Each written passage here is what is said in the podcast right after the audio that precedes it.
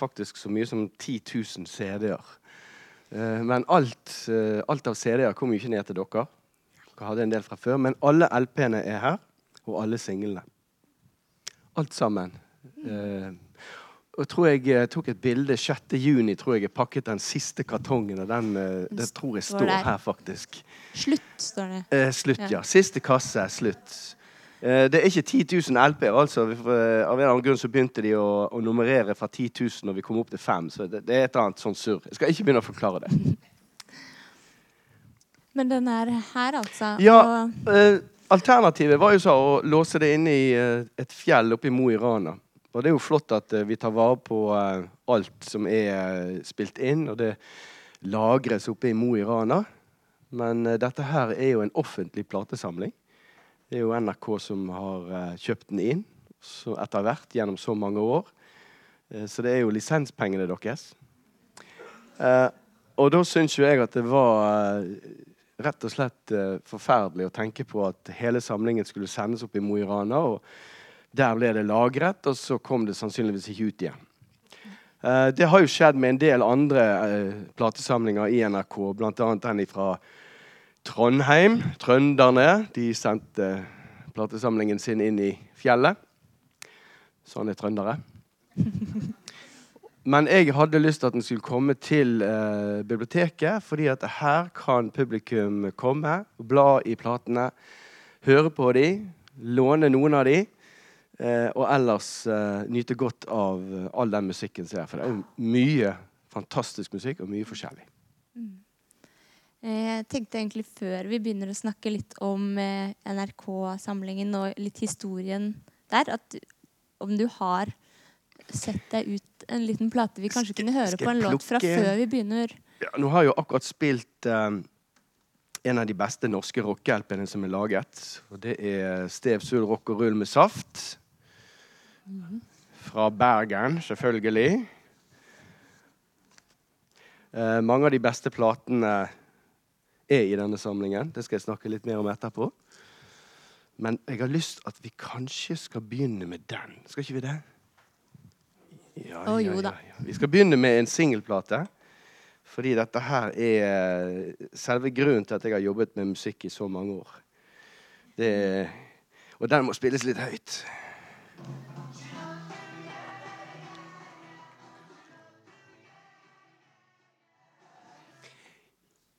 Eh, nå tok jeg den av litt Jeg beklager. Jeg tok den av. Vi har ikke tid til å spille hele plater. Har vi det? Nei, Ja, da blir vi sittende etter midnatt. Det kan vi Da- godt gjøre for min del, men jeg tror eh, det er litt andre planer. Dette er da originalsingelen fra 1963. 'She Loves You'. Fremdeles spillbar. Ja, Vinyl. fantastisk. Ja. Ja. Fantastisk fin. Ikke stikk av med coveret, Øyvind. Du har han vel? Øyvind og, og Vikken de har alle Beatles-singlene. Så du trenger ikke den? Og det har, har du òg de? Har du alle? Alice har de. Ja. Og nå har jo egentlig alle i Bergen også den, siden de kan få låne den her. Jeg har de. Det er bra. Men du, vil du fortelle litt om eh, altså NRK-samlingen? Eh, tilblivelse. Eh, Hvorfor skulle man ha egen platesamling i NRK? Jo. Hvordan var du med på å velge ut Ja. Eh, plater? Nå sitter det jo to stykker her som kjenner historien nesten like godt som meg, Merete og Alice. Men i korte trekk så begynte jo eh, Bergen Lokal å kjøpe inn egne plater. 78 plater. Og dette er jo langt tilbake. Egen radiostasjon som etter hvert ble da eh, innlemmet i NRK. Eh, Og NRK hadde jo distriktskontorer, har det fremdeles rundt omkring i hele landet. Og i de timene når man skulle ha sending fra Bergen til Hordaland, så måtte man ha musikk. Og det var ikke sånn at du bare kunne få spilt over musikken fra Marienlyst eller et annet sted. Du måtte ha en egen fysisk platesamling. Så til å begynne med så var det 78 plater. Og så kom jo da eh, LP-er og singler. Eh, 78-samlingen ble jo gitt til eh, biblioteket her eh, faktisk måneden etter at jeg begynte i NRK. Så det var det første jeg gjorde. Det var å gi 78-samlingen vekk. Og det siste jeg gjør, det er å gi dette vekk. Nei da.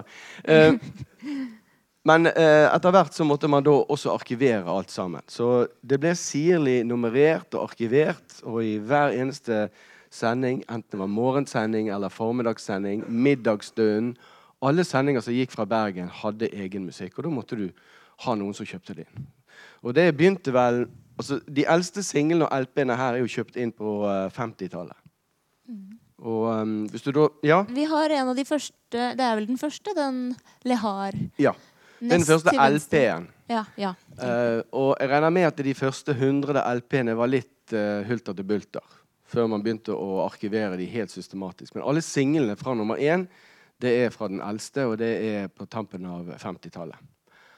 Eh, og så ble de da, Etter hvert som de ble kjøpt inn, så ble de nummerert, arkivert. Og det originale arkivet det var jo på papir.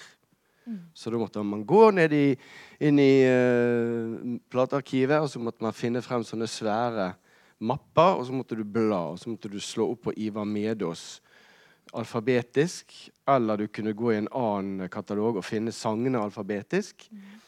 Eh, og så plukket du frem platene, og så ble de lagt i en bunke sånn. Og så ble de levert til eh, teknikeren i en radiosending, og så tok de frem hver eneste plate etter hvert så de lå i den rekkefølgen. Og programlederen ville ha de sånn og sånn. sånn. Så da var det programlederen som valgte ut musikken ja. til alle programmene. Var det sånn at det meste skulle være lokalt, siden det var Bergens Radio? Eller hvordan kjøpte dere inn? Dere har jo Beatles og litt forskjellig, så Ja, eh, NRK var jo ikke så kjent for å spille så mye popmusikk før uh, det kom flere kanaler. Nå, vi må huske på det at NRK var aleine radio i mange, mange år. Det altså, var jo først uh, tidlig på 80-tallet at det kom nærradioer som fikk lov å sende uh, over hele landet. Og så kom trekanalsystemet til NRK. P1, P2 og P3. slik at det meste av den musikken du ser på LP og singel, det er jo kjøpt inn i en tid når NRK var den eneste radiokanalen. Og da måtte du satse på at du hadde alt det lokale i Hordaland, og alt i Trøndelag, det hadde de lokalt. Og så måtte du satse på, eh, satse, eh, være helt sikker på at du hadde god musikk, og det var jo da jazz og klassisk. Så var det da en og annen ung eh, programleder som da fikk trumfet gjennom at jo, vi må kjøpe inn noen Beatles òg. Så det er litt morsomt å se i samlingen, sånn rekkefølge, så ser du at plutselig så er det en 10-20 pop-LP-er. Du har veldig mye Mozart, Bach, Beethoven, og du har John Coltrane med saksofon, og du har Miles Davis, og så plutselig Rolling Stones. Og så kommer det ti plater med bandy fra 60-tallet. kan man se Det er jo flere som har jobbet med den samlingen. Eh, kan man se hvem som jobbet? Ja. Ja. Så før, før du begynte, så kan man se på hvordan samlingen er utvikla? ja. Før jeg eh, var så syndig å overta rollen til Merete, så, så var det masse vakker musikk. Og så bare Så ble det bare fjas. Ja. Eh, Vi hadde jo et forholdsvis lite budsjett Ja. å kjøpe inn for. Em, Da jeg begynte der, så eh, hadde jeg nærmest som betingelse at jeg fikk 1000 kroner i måneden å kjøpe inn musikk for. Mm. Og det fikk jeg ha eh, to-tre år. Ja. To? Jeg vet ikke. Men så- eh, så var vi da prisgitt at vi fikk tilsendt en del musikk fra plateselskapene. Så vi fikk mye gratis. Mm.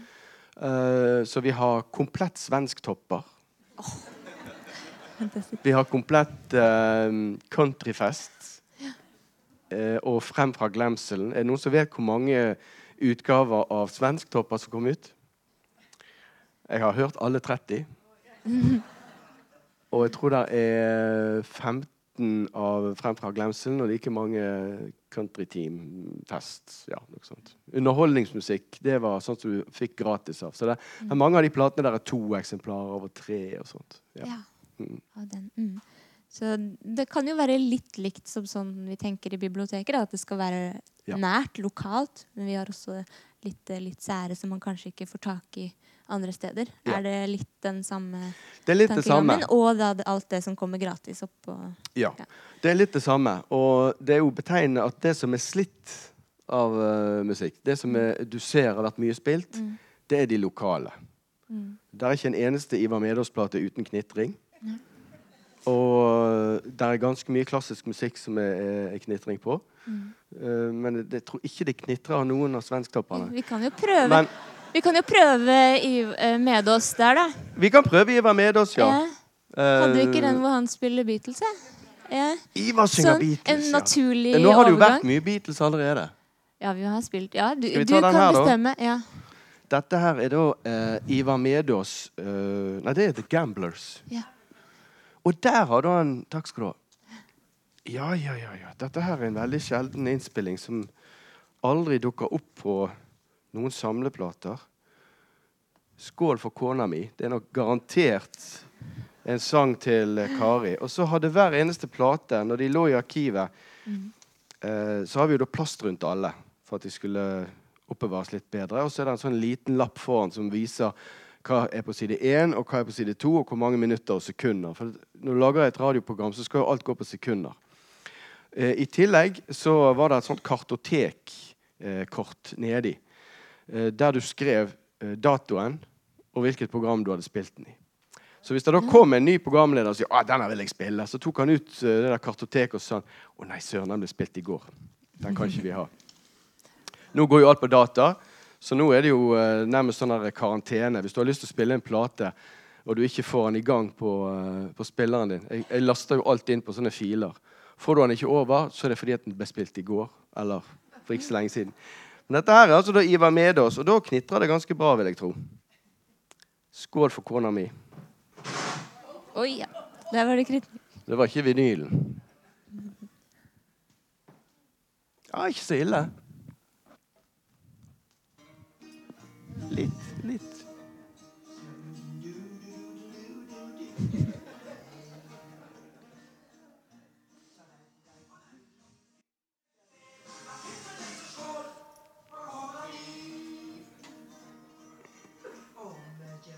Ja, det er, det er vakkert. Det er vakkert. Og på baksiden av eh, plateomslaget så står det jo listet opp eh, alle singlene som er eh, tilgjengelige med Ivar Medås. Så det var, det var ikke få. Han ga ut eh, ganske mange plater på eh, 60-tallet. Veldig bra. Veldig bra. Den var ikke så veldig mye spilt likevel, den der, tror jeg. Men nå kan ikke vi spille den før Hvor lang karantene? Nei, nå kan ikke jeg spille den før uh, et halvt år. OK, halvt år. helst. Da noterer vi Det det. går helst et halvt år. Men vi har mye annet vi kan spille. Vi kan gjerne ta en til på rappen. Det her er jo Ja, men da kunne vi tatt det som uh, jeg syns var litt morsomt eh, eh, En ting som jeg husker som er felles eh, med alle plateforretninger Vi jobbet jo i plateforretninger, både Alice og Mereten, og jeg har jo erfaring derfra. Og eh, hvis du da skulle ha plater tilgjengelig lørdagen, så så jeg eh, ofte i programbladet om det var noen musikkprogrammer som gikk fredag kveld. Og hvis du da hadde eksempelvis eh, et program om Chris Raya, som ingen hadde hørt om i Norge den gangen, og det var et, eh, et TV-program fredag kveld, så ringte jeg til plateselskapet og spurte om de hadde noe Chris Rea, sånn at hun hadde noe i butikken lørdag. For da kunne du være sikker på at da kom det inn en åtte-ti personer. Han altså var på TV i går. Og det hendte også fredagskvelden at uh, du så på Detektimen. Og den ene gangen, da var det MacLeod, tror jeg. Og da var det en ung jente, Playboy Bunny, Barbie Benton, som sang en låt. Den ble jo en landeplage. Og så var det Derrick, da. Så dette er en plate som har med Derrick å gjøre. Ja, ja, ja. Og her ligger det også lapper. Hjelp oss å ta vare på platene ved å følge disse reglene. Den har jeg lagt merke til. Jeg hadde tenkt å spørre deg om den. Ja. Hvorfor er det bare kaffe, smørbrød, cola og sigaretter som du ikke får lov til å ha? Altså, det er verre ting enn det som Ikke øl og vin, altså? Ikke øl og vin. Nei, det er helt fint. Har aldri kaffe, smørbrød, cola eller sigaretter i nærheten når du omgås grammofonplater. Men det står jo sigaretter, da. Ja, det står sigaretter. Ja. Det er jo ille nok. Ja. Nei, men dette her er et sånt eksempel på en plate som eh, Når vi da sto i plateforretning lørdagen, så var vi nødt til å ha denne platen klar, for da kom folk inn og hadde sett Derrick. Husker dere den? Ja. Frank Duval.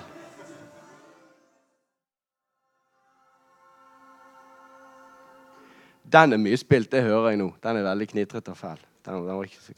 Kan jeg fortelle én liten historie Gjør fra, gjør det. fra platebutikken? Eh, Siden Mereten er her, så må jeg nesten fortelle denne her. For, eh, når du står i plateforretning, så kommer det folk inn, og ikke kan de huske tittel på sang, og ikke kan de huske tittel på artist, eller navn på artist. Så det er en grunn til at gruppen De derre heter De derre. Det er fordi at det der er sikkert 1000 som har vært inne i en plateforretning og spurt etter en plate. Du vet De derre? Du vet De derre? Nei, ja, mener du de? Ja, ja, ja. ja. Ja, Hvilken plate vil du ha med de, da? Jeg vil ha den der eh. Så den første platen til De derre, den heter Den derre med De derre. Men vi har faktisk ganske mange sånne tilfeller i biblioteket òg. Noen har hørt en sang på radioen, og så skal ha den som ble spilt i et programmet som starta klokka to på søndag.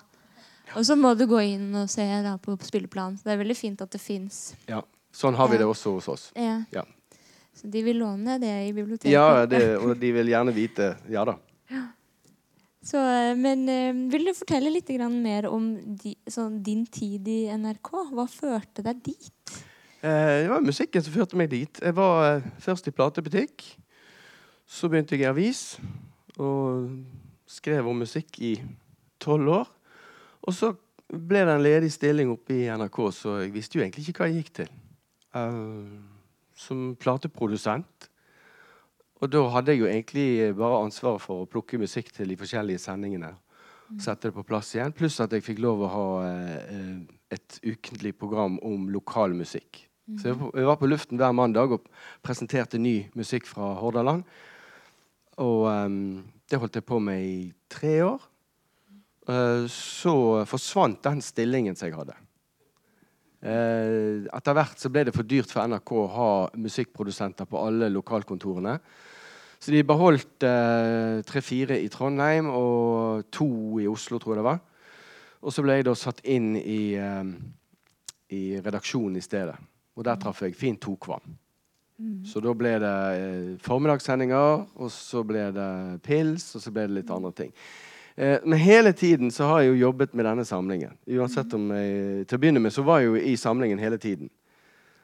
Eh, og så helt frem til nå, til jeg har levert de, eh, platene ned hit, så har jeg jobbet med det. Så har jeg brukt det hver eneste dag. Og da har det vel oppstått noen eh, spennende episoder eller Ja. minneverdige ting som Er det noe du vil dele? Noe du liksom Ja, så har det- Det er rart med det der med når, når platene står der i sånn ikke alfabetisk rekkefølge, og du skal Det skjer et eller annet, enten en tragedie uh, eller noe som gjør at du må snu opp ned på alt. Uh, da har ikke du tid til å sitte og søke i en database og gå ned og finne platene. Da må du vite hvor de står. Så det første jeg lærte meg når jeg var der oppe, det var å ha litt sånn fotografisk hukommelse. Der står den platen, der står den, og der står den. Så eh, det var litt morsomt å, å bli ringt opp om jeg kunne komme inn og plukke litt musikk. Og så var det gjort på to minutter, for jeg visste at der var der er Mozart, der er panfløyte, der er det, og der er det. Så du kunne da eh, sette musikk på som ikke var støtende for noen. For det er jo Når ting skjer, eh, særlig i Norge, så eh, må vi være forsiktige med hva vi spiller på radioen. Um, da nærradioene var begynt og hadde holdt på en stund, så um, husker dere helt sikkert eh, da kong Olav døde. Så um, var det en nærradiostasjon i Norge som ikke hadde fått med seg at kongen var død. Og de kjørte på med musikk og tjo og hei og Ja, nå er det bingo her! Så var det en som ringte inn til radioen, og så Hallo, ja! Ja, eh, kan dere være så snill å roe ned musikken nå når kongen er død? Kong Olav er død. Ja, det skal vi! Slo på, og så kom det da på luften. Ja, vi skal spille litt roligere musikk. Vi har nettopp fått beskjed om at Carola er død. Karol. Og det har skjedd noe lignende i NRK Hordalands historie. Eh, det var eh, i den tiden når vi da var gått over til CD-er 100% Da jeg begynte der, så var det veldig lite vinyl vi spilte på luften. Det var nesten bare CD-er. Men alle CD-ene ble satt inn fysisk. Sånn. Her har du en bunke. Spill den rekkefølgen. Og Siv Fosserskaret var på luften, og dette er tidlig mandag morgen. Og det var i den tiden når eh, det kunne hende at uh, andakten ikke kom. Det var et eller annet sånn teknisk problem til å begynne med når andakten skulle avvikles fra Trondheim, og her står Siv i studio i Bergen. Og dro opp en spake, og så er det helt stille. Og så sier Siv ja, eh, da blir det dessverre ikke noen andakt i dag. Det kan jeg bare beklage. Tekniske problemer. Men vi får sette på litt eh, fin musikk med Arild Nyquist. Og så drar hun opp spaken, for hun har lagt CD-en klar. Musikken går, ja. Og Siven løper ut. Jeg rekker å gå på do, tenker hun. Rekker å tisse. Ja. Og når hun kommer inn igjen, da er for å si det rett ut, helvete løs i, uh, i eh, redaksjonen. Og der er det én uh, nyhetsvakt som løper febrilsk for å ta telefoner rundt omkring. Han er aleine, for dette er tidlig på morgenen. Det er andakten som går. Og Siv kommer inn igjen. Hva er det for noe? Få platen av! Få platen av! Da har du altså satt på Arild Nyquist Blymandag blues. Og hvis dere kan tenke dere Arild Nyquist etterligne Tom Waits Helvetes mandag! Akkurat i den tiden når, når eh, andakten skal gå. Så sitter der eh, eldre mennesker og unge og sitter mennesker og vil høre andakten, og så kommer da dette her våkna i morgen, blyvaken. Og så går refrenget, da. Og det er da Lars Martin Myhre og noen andre som synger Helvete mandag. Da ringte telefonen, og da fikk vi faktisk oppslag i Bergens Tidende dagen etter. Da hadde de fått uh, en til å tegne en pensjonist som, som stirrer ut i luften, og kaffen skvetter. Fikk banning i stedet for andakt. Ja. Det kan skje. Det kan skje.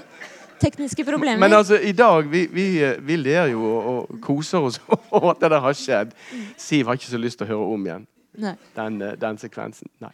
Og når hun da dro ned spaken, så sier hun at ja, vi kan bare beklage. Hva skal du si? Altså, det er mange hensyn å ta man eh, Veldig mange hensyn å ta. Skulle, Er det andre hensyn du har eh, Ja, altså, vi hadde jo eh, altså Helt ifra eh, starten av, i hvert fall så lenge jeg har jobbet der oppe, så hadde vi uh, regler å forholde oss til. Uh, som dere kanskje vet, skal vi, NRK, spille minst 40% norsk musikk. Det er et sånt krav fra Stortinget. For det er vårt oppdrag som uh, allmennkringkaster at vi skal holde oss til de reglene. Så det skal ikke være eh, overvekt mer enn 60% av utenlandsk musikk. Og så skal det være en viss prosentandel norskspråklig innenfor det norske. Jeg tror det er 50-50 fremdeles. Halvparten av den musikken. Så det betyr at 20% av det du hører på radioen, skal være med norsk tekst.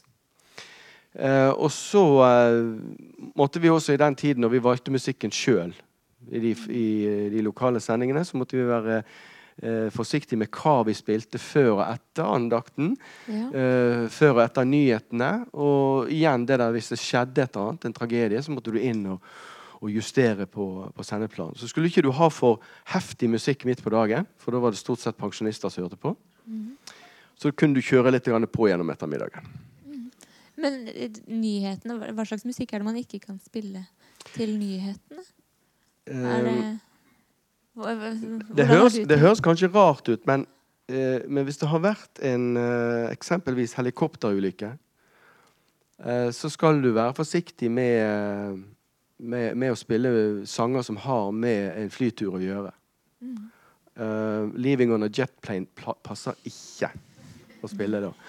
Eh, og vi, jeg husker at vi måtte fjerne en plate da denne såkalte Lommemannen-saken pågikk. Så, var jeg rett, så var jeg inne og fjernet uh, uh, Og fjernet uh, en plate med Alanis Morissette. Som lå som første plate etter nyhetene. 'Hand in Pocket'.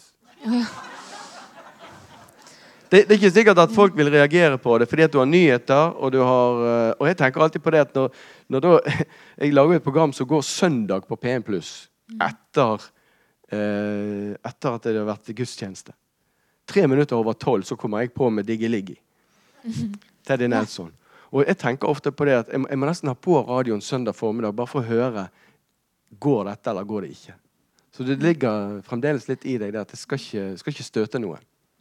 Samtidig så skal jo skal ikke være sånn at vi skal sitte sånn. Vi må jo må være litt, eh, må være litt, litt liv i det. Ja. Så må tenke igjennom. Må tenke igjennom. Du må det. Hadde det passet å sette på en låt fra Ja.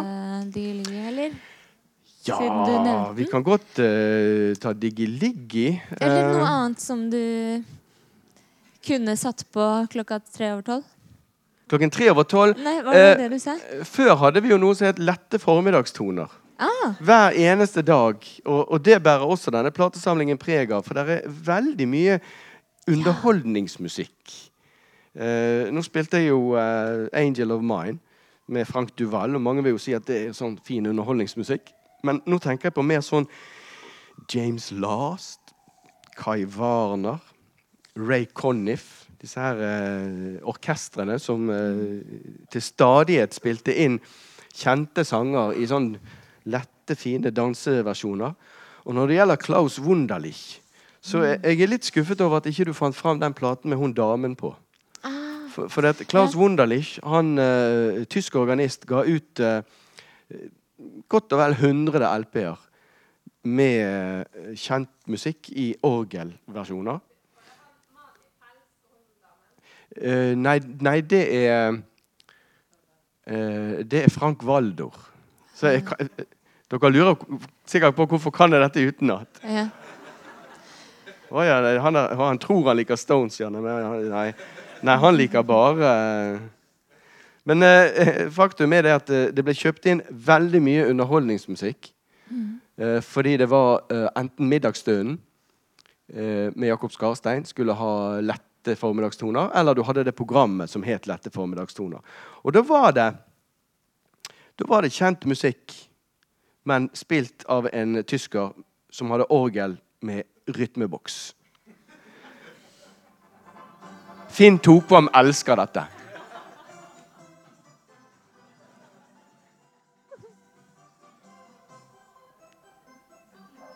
Ja da. Og dette her spilte vi. Og alle disse artistene har fått godt betalt. For dette her er dette, dette har kostet NRK veldig mye i årenes løp. Det er, det er veldig, veldig mange norske artister som har årslønner bare ved å bli spilt i NRK. ja det, Da har jeg sagt det òg. Men vi må jo da, når vi først har spilt uh, Klaus Wunderlich, uh, 'Mannen med orgelet', så må vi jo ha James Last. Og dette her var også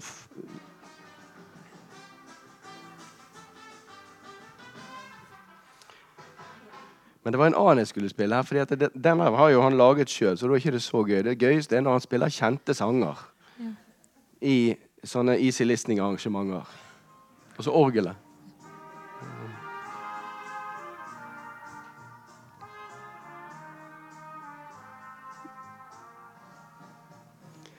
Det hendte hvis jeg kjedet meg litt på jobben, og det gjorde jeg jo faktisk ofte til å begynne med oppe i NRK, eh, så hentet jeg en sånn LP og spilte den ganske høyt på kontoret.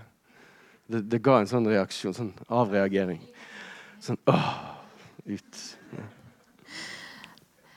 ja, jeg hørte jo litt på James Last etter at du ga meg de navnene. Mhm. Så, så var det mye det var Men jeg ser du har det bra likevel. Ja, jeg har det Ja. helt fint. Ja. Det gikk faktisk eh, et par kvelder denne uka her hvor jeg har sittet og hørt dette hele kvelden. Så det, jeg kan skjønne hvordan det var på kontoret der Ja. da. Fra de andre side. Ja. Um, ja, for vi har jo plukket både Eller du sendte all vinylen. For du ville pakke den selv og sende den, ikke sant? Og Ja. så kunne vi komme og plukke CD-er. Uh, Ja. er, er det Var det du ville liksom ha det siste farvelet? Ja. Eller, ja. Jeg måtte ta farvel med, Ja, med samlingen. sant? Ja. Fordi jeg husker veldig godt når vi var og plukka CD-er, at du kom med vinyl, som, som vi snakka litt om i stad. Den som plutselig var mastra i feil tempo og en! En, historie Ja. om hver plate Ja. omtrent. Ja, Ja, det er jo litt sånn Når jeg leste i Pils og har hørt på et par programmer der og, altså, Det er så mange historier til hver eneste plate. det er det. Um, Ja, så tenkte jeg bare at det, det må jo føles ut som det var din samling. Sånn som vi snakka litt om i stad også. At det, ja. eh, ja, det skal jeg innrømme. og at, Um, ja, men sånn, hvordan kan vi ta vare sånn i biblioteker, da? Altså, hvordan vil du helst at vi skal forvalte den som videre. det er din. Mm. Uh, ja, jeg kan først forklare da, hvorfor jeg følte at det er min samling. Uh, for det høres jo litt rart ut, for jeg jobber jo i NRK, og dette er NRK sin samling. Men uh, jeg, har, jeg har tatt ganske mange kamper i NRK for å få lov å beholde samlingen. Jeg har slåss en del. Eh, og nå vet jeg ikke om noen av sjefene mine er her, men de vet det. At eh, jeg omtrent sa opp fordi samlingen skulle fjernes. Eh, og det er noen år siden. For da hadde man bruk for eh, da, da var samlingen oppe i andre etasje. eh, og det eh, rommet skulle brukes til spiserom og nye kontorer. Og da måtte samlingen ut. Og da kom spørsmålet om det var greit at den ble, bare ble sendt til Mo i Rana. Og da sa jeg nei. Det kommer ikke på tale. Ja, men det er jo ingen som bruker samlingen. Nå er jo alt digitalt. Og det er den første feilen du gjør. Det er når du får et nytt teknisk hjelpemiddel, så fjerner du alt det andre. Det er omtrent som at dere skulle bare fjernet alle bøkene her, fordi at alt ligger ute på data likevel. Lesebrett. Eh, men sånn fungerer ikke det i den, i den virkelige verden. Så eh, da begynte jeg bevisst å bruke samlingen mer og mer og mer. Så, jeg, eh, så kom P1 pluss etter noen år. For denne her kampen begynte vel for vet ikke ti års tid siden. Eh, og så fikk jeg da uh, uh, lov å gå rundt i huset og se hvor kan samlingen plasseres.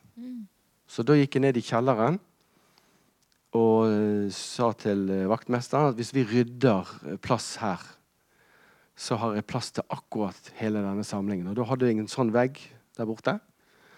Og så ut i rommet en seks-sju meter, slik at alle de 5000 LP-ene og singlene kunne plasseres der.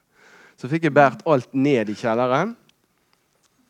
Eh, Da fikk vi med oss et håndballag til å, å hjelpe å bære ned hele LP-samlingen. og alt sammen.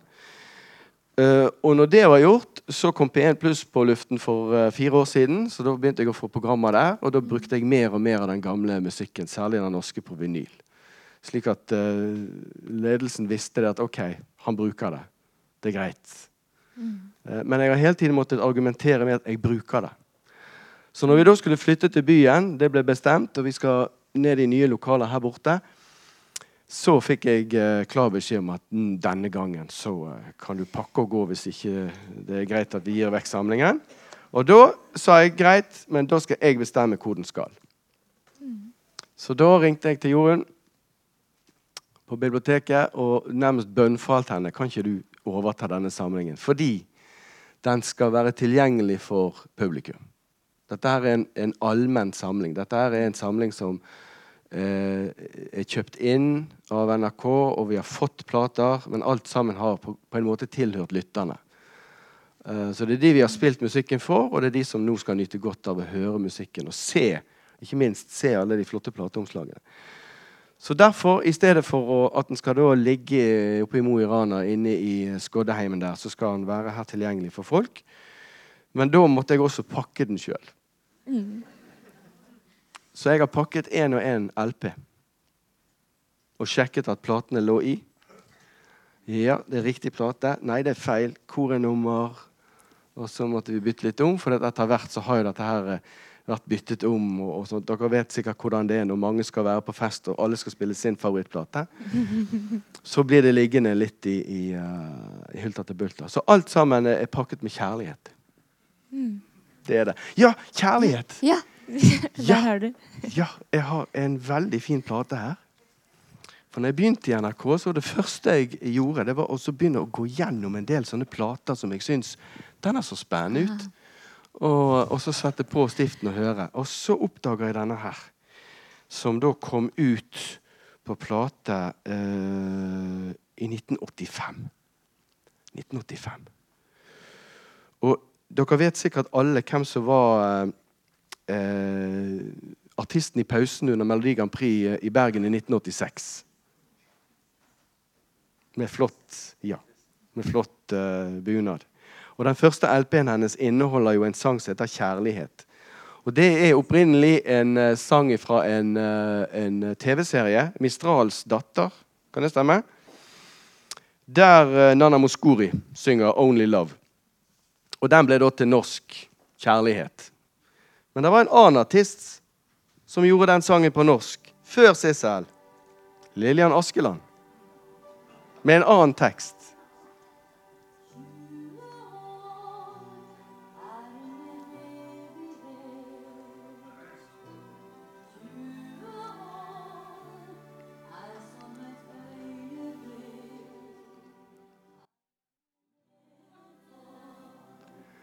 Og Grunnen til at denne sangen heter 20 år, det er fordi at Lillian Askeland skulle feire sitt 20-årsjubileum som plateartist i 1985. Og da trengte hun en sang som passet. Så dette er 20-årsjubileumsplaten til Lillian Askeland. Men hun ble jo da, som vi alle vet, forbigått av Sissel. Og en tekst som jo egentlig passer bedre. Only love. Kjærlighet. Ja. Ja. Så her sitter vi jo på en hel haug av kuriositeter og uvurderlige skatter. Eh, var det sånn at det var én del av samlingen som er helt spesiell? Var det de 2000 første LP-ene? Ja. Har vi noen bokser med Ja, fra de har vi. 2000 første som du kunne kanskje tatt ja, en jeg tror du har allerede satt ut en del av de. Ja. Eh, og grunnen til det er at eh, det er jo LP-er som er kommet ut før CD-en kom. Eh, det er det ene. Mhm. Og det andre er at det er LP-er som er kjøpt i en tid når det var ganske dyrt å kjøpe LP-er. Jeg husker det at vi måtte jo spare ganske lenge for å kjøpe én LP. Du kunne gjerne kjøpe singelplate. Den kostet ni kroner. I, I 1969 betalte jeg ni kroner for Get Back med The Beatles. Seinere på året så hørte vi på radioen at neste fredag kommer den nye LP-en til The Beatles. Abbey Road.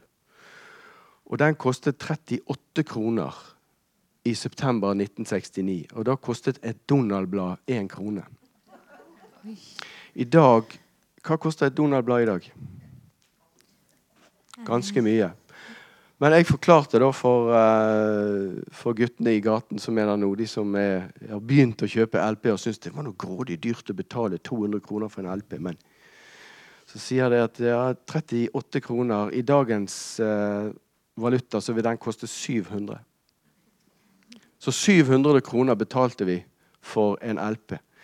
Og det betyr at mange av de platene er ikke i så store opplag. Noe som igjen betyr at de er mer sjeldne.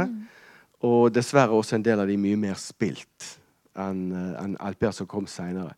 Så det skjer et eller annet der eh, midtveis i, eh, i samlingen, sånn 2500. Da er vi kommet til 1980. Og da, etter det, så er ikke de fullt så spennende lenger. Så hvis du ser de to den første LP-en og den siste Ja. der. De to der. Ja, den nest til venstre er den eldste, og den i midten er den nyeste. Ja, dette er den siste LP-en som eh, ble registrert i den tiden det var LP-er som gjaldt, 1985. Eh, og den er jo nesten uspilt. Mens her er den aller første som ble arkivert.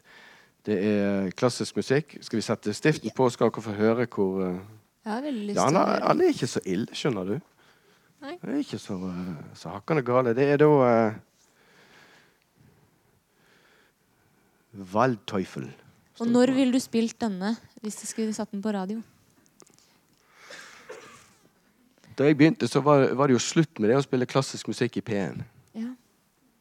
Men den gangen vi hadde bare én radiokanal, så uh, måtte jo musikken fordeles over eh, hele sendeflaten. Og da var det ganske mye klassisk musikk midt på dagen. Midt på dagen. Ja. Ja. Så jeg tror nok det at uh, mellom nitimen og middagsstunden så har vi denne her.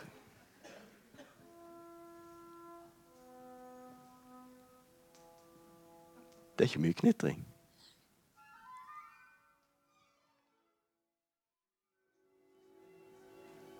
Jeg tror eh, Han er friskmeldt. Ja, Ja. den er pent brukt. ja. Velbrukt, men fin. Det syns jeg. Men så er det jo det at for sånne nerder som meg, som uh, setter like mye pris på det estetiske som, som på musikken, så er det et eller annet med det at du, du har et plateomslag som du ser åh, dette her er jo den originale platen. Og du har en etikett som forteller uh, meg i hvert fall veldig mye om musikkhistorie. Eh, og det blir en litt sånn ekstra opplevelse når, uh, når du har det på et fysisk format. Kan ikke, du får ikke den samme opplevelsen når du laster ned noe. Nei, Beklager, du gjør ikke det. Altså. Ja, du snakka jo litt om det i stad, med det med å søke digitalt altså, og det med eh, visuelt At du har en visuell forståelse av hvor ting står. Og det Ja. samme gjelder jo du, Det vekker minner at det er noe fysisk du kan se på og Mm. Er jo- ting til. Ja, Det er jo det jeg savner mest i dagens digitale radioverden. Det er um, det, er det der at du kan ikke se. Altså, du sitter ikke med platene foran deg og setter sammen et program. Eh, du går inn på eh, laptopen din og søker opp databasen til, til NRK, Musikkbasen, som er for øvrig en av verdens største baser av musikk. Og så bare finner du den du skal ha, og klikker 'bestill', og så legger han seg inn i programmet ditt. Det er, det er ikke helt det samme. Nei. Det er ikke Nei. det, altså. Liksom Oi, der var han! Ja. Ja. Hva slags, du får nesten ikke Nei. Så det var veldig ofte, uh, Da vi begynte med dette di- heldigitale radiosystemet for noen år siden, så uh, hendte det veldig ofte, helt fram til nå, når samlingen ble uh, kjørt ut av huset, så gikk jeg ned i kjelleren så hentet jeg platene. Selv om du hadde bestilt dem Ja, da, digitalt. så- Så Her er de. Jeg går ned, jeg går ned og henter de. Og så satt du der på kontoret, og så hadde du platene bare i en sånn bunke. Bare sånn for sikkerhets skyld. da vil du kanskje ha enda mer å si om dem òg, når du har de Ja, på en måte vil du det. Ja, for det, du, sitter og så kikker du på det, og så legger du plutselig merke til det. Å ja, han var jo med der, ja. Og så kan du fortelle en historie om vedkommende. Uh, et godt eksempel er nå uh, Forrige uke så laget jeg et program om Teddy Nelson. Og så eh, visste jeg det at jeg skulle gå gjennom 70-tallsproduksjonen hans fra Digi-Liggi og så frem til uh, ca. 1980. Det hadde jeg plass til i den timen. Og jeg vet ikke om dere er klar over det, men Teddy Nelson, Terje Nilsen var opprinnelig murer. Og så hadde han en del plateutgivelser på 60-tallet, og noen av de er, er i, i, i denne samlingen. Yeah. Eh, sammen med gruppen The Apaches. Så trakk han seg tilbake og ble murer igjen. Frem til 1974. Da skulle Fly Norwegians gi ut uh, Dette er bare forhistorien. Altså. Komme med. Flying Norwegians holdt på å lage den platen der. Og så sier Arne Bendiksen til dem Hadde det vært en idé å synge på norsk? Uh, det hadde jo vært revolusjonerende. Så Det er jo et, eh, norsk, det første norske virkelige countryrockbandet. Fly Norwegians. Uh, og så forsøkte de. Så, så oversatte de Diggy Liggy og uh, et par låter til. Og forsøkte seg, men de fikk det ikke til. Og så Da var det at Rune Valle kom til å tenke på at han er mureren Terje Nilsen. Teddy Nelson. Jeg lurer på om han synger fremdeles. Reiste hjem til uh, der som Teddy bodde, og han uh, jo, var jo murer. Så han hadde støpt en sånn eh, steintrapp opp til huset sitt. Og når Rune kom der, så så han bare denne trappen. Ja. Omtrent sånn. Og han bare sukket og tenkte skal jeg gå hele den veien opp. Ja, ok da. Så gikk han hele veien opp og spurte Teddy om han kunne synge igjen. For han skulle synge på norsk. Og så spurte Teddy konen sin er det greit. Ja, ja, sa hun. Det var greit. Og så kom Teddy i studio og sang sammen med Flying Norwegians. Og resten er historie.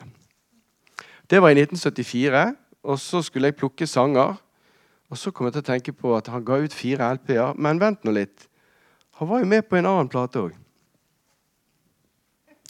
Så da var det jo egentlig greit å ha det digitale arkivet. Fordi at når du da søker på en artist på det digitale arkivet, så kommer det opp alle sangene som vedkommende har spilt inn. Du kan søke på LP, singel, CD, altså album, singel eh, eller titler. Så da klikket jeg på titler, og så kom det opp noen titler som jeg ikke kunne plassere på LP-er. Og ja, selvfølgelig, tenkte jeg. Han var jo med på denne her litt spesielle platen som ble gitt ut i Bergen i 1975. Og som vi kanskje ikke egentlig har lov til å spille. Det står kun, til- til studio, kun til bruk i studio. Er ikke dette et studio? Ja. Dette er en godbit, folkens. Dette er altså da David Dean, Sverre Faaberg, Clive Scott og Teddy Nelson. Og i studio så har de med seg hele Flying Norwegians som backing band. Og eh, Claudia Scott er med, og kor, og Marita er med. Og Johannes Kleppevik har skrevet alle sangene. Og det er tolv sanger countryrock. Den er innspilt i et studio som fotografen Jan Alfred Løtvedt laget. Han laget sitt eget innspillingsstudio i Bergen. Og han opprettet et eget plateselskap, Kosmo Records. Så takket være den uh, lille søkingen på, i databasen, så kommer jeg til å huske denne platen her. Og det er altså da en, en sjeldenhet. For den er gitt ut, innspilt i Bergen i et uh, fotostudio. Utgitt av en fotograf. Inneholder tolv sanger som Johannes Kleppvik komponerte. Og med noen av de beste artistene fra denne byen òg.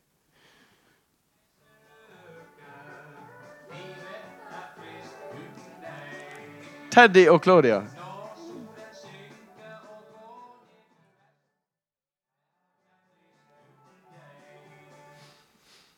Det er en del sånne godbiter i samlingen. Så hvis dere ser denne i en bruktsjappe, kjøp den. For denne får dere ikke tak i. Den er ikke utgitt på CD og ikke overført digitalt. Men det vi har gjort i NRK, det er at alle LP-er og singler som ikke har eh, vært tilgjengelig på CD, de er overført. Så de ligger i den store musikkbasen. Så alt som vi har nå gitt vekk, det ligger i vår base. Så dere kan spille, ja. Men du sa vel noe om at siden du kommer til å holde så nært til Hva var det du sa at du skulle? Det er kort vei hit. Ja. Jeg må jo bort og snuse av og til. sant? Ja, ikke, ja. Så, slik at uh, det, det, er, det, er, jo en baktanke med å gi den til dere. Siden vi skulle da flytte ned til uh, de gamle, gamle, bygningene der med legevakten, så er det kort vei bort hit til uh, musikkbiblioteket. Med en liten sånn der ønskeliste. Ja. Kan jeg få låne med meg de og de og de? Hmm. Ja. Massevis av sånne godbiter her. Og singler og Det er jo, det er jo enestående å bla i sånne gamle bunker med, med, singler. Har du noen av de eldste her? Det skal vi se. Så nummererte jo alle sammen nå. Det står jo Her er kanskje noen. Det var jo like gøy for oss å drive og plukke fram ting nå. Vi kan til, kikke her, vi. Ja, Den som står der. Eh. Ja, Noen av de eldste står jo bak der, så de kan dere kikke på etterpå. Uh, der står en del av singlene fra 70-tallet, riktignok. Mens uh, der er det en fra 60-tallet-serien, Arne Bendiksen, og noe Beatles. Og her også står det litt spennende ting. Kinks, Salhuskvintetten. Ja, de, omtrent alt med Salhuskvintetten er i samlingen. Hoffmann og Hoffmann. Vest-Tysklands bidrag til Eurovisjons Grand Prix Oi. 1983. Den tar vi ikke og spiller uh, Nei, nei. nei, nei det, det, tror jeg ikke vi tar sjansen på. Vi har jo tid til én låt til, da. Så ja. kanskje vi skulle valgt en avslutningssang før vi går løs. Du kan plukke kanskje en fra en boks. Ja, så Det som er så gøy med, med denne samlingen, det er at det der er jo historier knyttet til veldig mange av dem. Uh, nå ser jeg at du har den ene med, med uh, Salhuskvintetten. Uh, ja, og det er ikke den som ble uh, forbudt spilt av NRK. Men, men jeg, jeg, kan jo likevel fortelle den historien. Fordi i dag, når jeg hører på radio i dag, så hører jeg Og nå høres jeg ut som en gammel mann. Men jeg hører tekster som jeg ikke engang tør å lese høyt eller synge sjøl. Det er vanvittig mye bannskap i den musikken som vi, vi, får høre, særlig fra USA. Og det skal dere vite. De platene vi spiller i norsk radio, er de usensurerte versjonene. I USA så blir ikke de spilt. De blir ikke spilt, de versjonene som vi spiller her i Europa. Av en eller annen grunn så får vi lov å spille plater her med veldig mye bitch og nigger og sånn. Det spiller de ikke i USA. Da spiller de de såkalte radio-friendly versions. Uh, og dette begynte å irritere meg allerede i 1979. Fordi jeg mener helt oppriktig at vi skal ikke spille Bobby Brown på norsk radio. Amerikanere som jeg kjenner og som jeg er i, i slekt med, hadde besøk av noen av de nå i, i sommer. De så på meg. What? Spilles den på norsk radio? It's a pervo-song. Og, og, hvis du oversetter den teksten til norsk, så blir du faktisk, tror jeg, også sensurert av uh, pornobladene. Den er ganske heftig. Men dette uh, Altså, det er engelske tekster. Uh, og bare en liten historie om engelsk tekst. I, her i Norge så vi, vi, tror vi kan engelsk, men vi, vi, er ikke så veldig flinke. Og vi hadde et sånt innringningsprogram en stund i NRK som het Ring og spring. Der eh, folk kunne ringe inn og ønske seg platen. Og så løp Åshild ned i kjelleren og hentet eller Merete var jo med på det også. Vi løp ned i kjelleren og hentet platene fysisk og spilte de. På direkten. Uh, så hun var jo da egentlig en sånn database i seg sjøl. Ja. Så var det en gang at det ringte en mann inn og ville ønske seg en flott plate. For det, nå har vi vært gift i 40 år, tror jeg han sa. Vært gift lenge. Og jeg snakket med ham på forhånd og fikk beskjed av Åshild på øret om at ja, det har vært gitt i 40 år. Ja, ja, sier jeg. Ja, ja. Og de sitter der begge to. Ja, det er greit. Ja, ja. Inn på luften. Å ja, og vi er så glad i hverandre ennå. I dag har vi vært gift i 40 år, og nå sitter vi her og holder hverandre. og Vi sitter i sofaen og, og drikker kaffe og hører på programmet ditt. Nydelig bilde. Ha? Her sitter de, har vært gift i 40 år. Og, ja, og da har jeg lyst til å ønske en plate til min kjære kone. og Gratulerer henne med dagen. og Takk skal du ha. Ja, og hva skal vi spille, sier jeg. Jo, vi skal, vi skal spille 'Release Me' av Engelbert Humperdinck.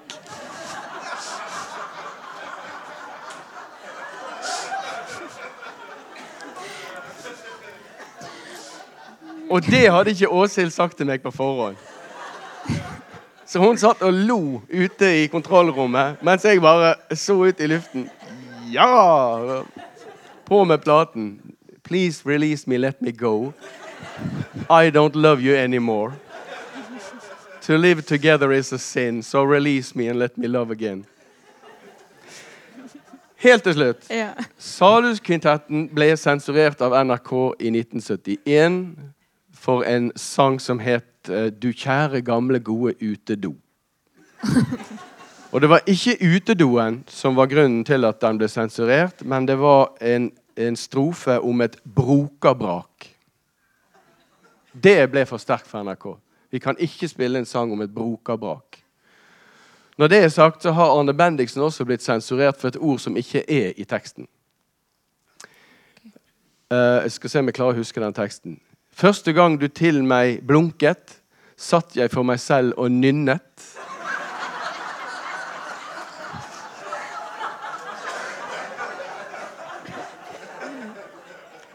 Han hadde såkalt AB-AB-rim.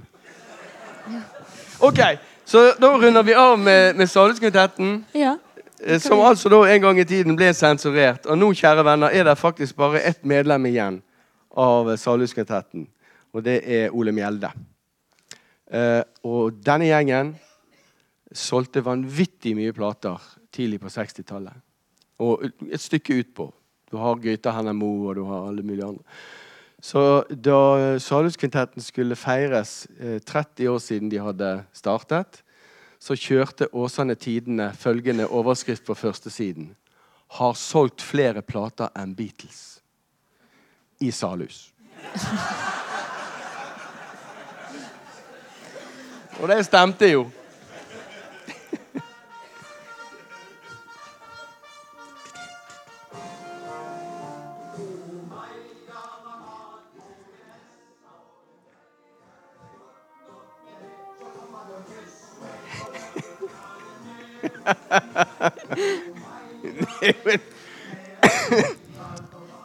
Det er jo nærmest en sånn svar til denne der uh, 'Never On A Sunday' med Merlina Mercuri. Den platen er også i denne samlingen, forresten. En fantastisk samling. Og uh, må bare få lov å avslutte med å si hjertelig takk til Bergen Musikkbibliotek for at dere vil overta og ta vare på barna våre. Tusen takk skal dere ha.